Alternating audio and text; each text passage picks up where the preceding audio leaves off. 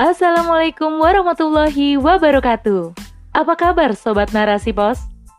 Kembali lagi bersama saya Giriani di podcast Narasi Pos. Narasipos.com Cerdas dalam literasi media, bijak menangkap peristiwa kunci.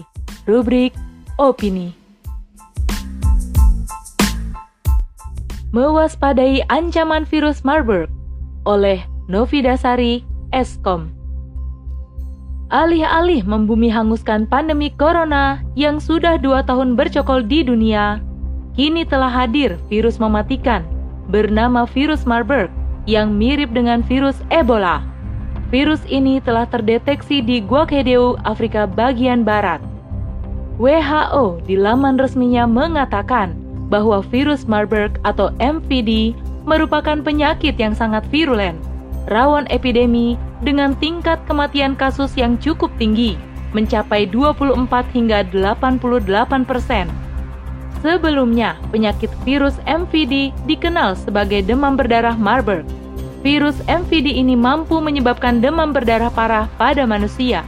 Pada 2 Agustus lalu, seorang pasien pria yang terjangkit virus MVD telah meninggal 8 hari setelah timbul gejala mengenal virus Marburg. Dilansir dari kompas.com, penyakit ini terdeteksi pada tahun 1967.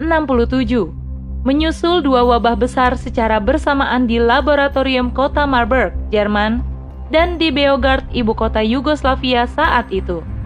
WHO mengatakan, wabah tersebut terkait dengan pekerjaan laboratorium menggunakan monyet hijau Afrika yang diimpor dari Uganda. Kemudian wabah dari kasus sporadis dilaporkan terjadi di Angola, Republik Demokratik Kongo, Kenya, Afrika Selatan, dan Uganda. Penularan virus MVD ke manusia dapat terjadi karena kontak yang terlalu lama di gua atau tambang yang dihuni oleh koloni kelelawar Rosetus. Pada awalnya, diagnosis klinis penyakit virus MVD yang sangat menular ini sulit dibedakan dengan penyakit demam tropis karena kemiripan dari gejalanya. Penularan virus MVD melalui manusia ke manusia dapat terjadi dengan kontak langsung melalui kulit yang terluka atau selaput lendir dengan darah, sekresi, organ atau cairan tubuh dari orang yang terinfeksi, dan dengan permukaan dan bahan seperti pakaian dan tempat tidur dari orang yang terkontaminasi virus tersebut. WHO menyatakan Masa inkubasi dari terinfeksi hingga timbulnya gejala bervariasi, mulai 2 hingga 21 hari.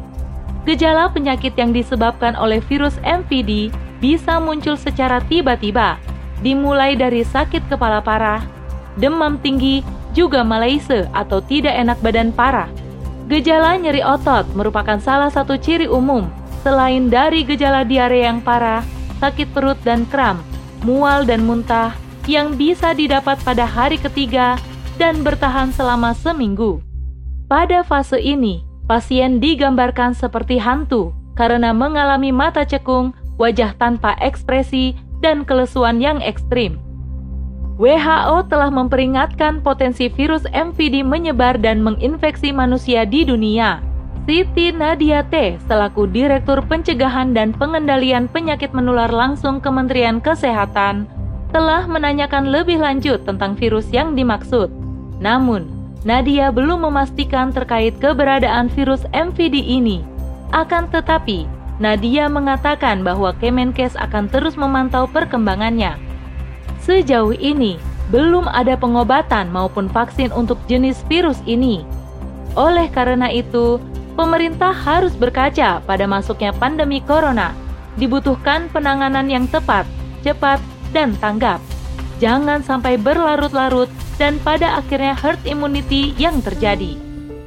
Islam telah memberi solusi yang benar dalam berbagai persoalan manusia, termasuk dalam menangani makhluk kecil bernama virus. Bahkan solusi Islam sesuai fakta dan tuntas berdasarkan pada kedekatan manusiawi yang sesuai dengan fitrahnya, bukan solusi yang asal-asalan. Solusi kesehatan yang digali dari sistem Islam meniscayakan terwujudnya dua tujuan pokok penanggulangan pandemi dalam waktu singkat.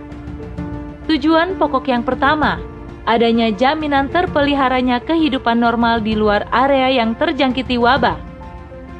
Sedangkan yang kedua, memutus rantai penularan secara efektif dan cepat, sehingga mencegah manusia dari bahaya infeksi dan kondisi yang mengantarkan pada kematian. Karena dalam kacamata Islam, keselamatan nyawa manusia lebih utama daripada apa pun, sebagaimana sabda Rasulullah Shallallahu Alaihi Wasallam, hilangnya dunia lebih ringan bagi Allah dibandingkan terbunuhnya seorang mukmin tanpa hak. Hadis riwayat At-Tirmizi. Kedua tujuan pokok ini tercermin pada dua prinsip yang efektif dalam memutuskan rantai penularan wabah. Prinsip pertama adalah penguncian area wabah dengan lockdown syar'i. Rasulullah Shallallahu Alaihi Wasallam melalui lisannya yang mulia bersabda, "Apabila kalian mendengar wabah di suatu tempat, janganlah memasuki tempat itu, dan apabila terjadi wabah, sedangkan kamu sedang berada di tempat itu, janganlah keluar darinya.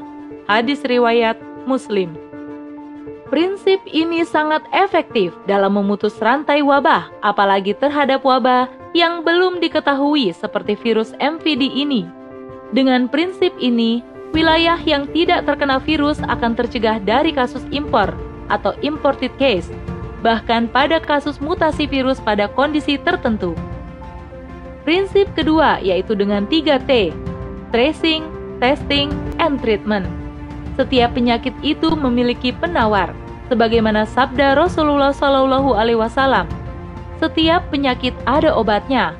Apabila ditemukan obat yang tepat untuk suatu penyakit, akan sembuhlah penyakit itu dengan izin Allah Azza wa Jalla.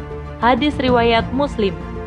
Dalam hal ini, negaralah yang bertugas untuk menemukan obat secepat mungkin dengan mengembangkan teknologi kedokteran dan medis mutakhir yang berkhidmat pada kemanusiaan.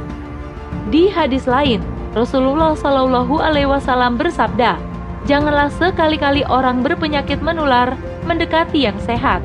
Hadis riwayat Imam Bukhari.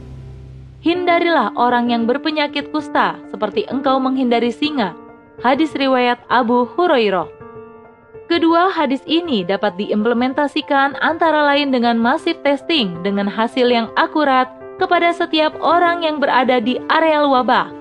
Sebab mereka semua berpotensi terinfeksi dan beresiko menjadi penular. Kemudian, yang sudah terinfeksi agar segera diisolasi dan diobati hingga benar-benar sembuh. Pertanyaannya, apakah pemerintah siap untuk mengaplikasikannya? Wallahu alam bisawab.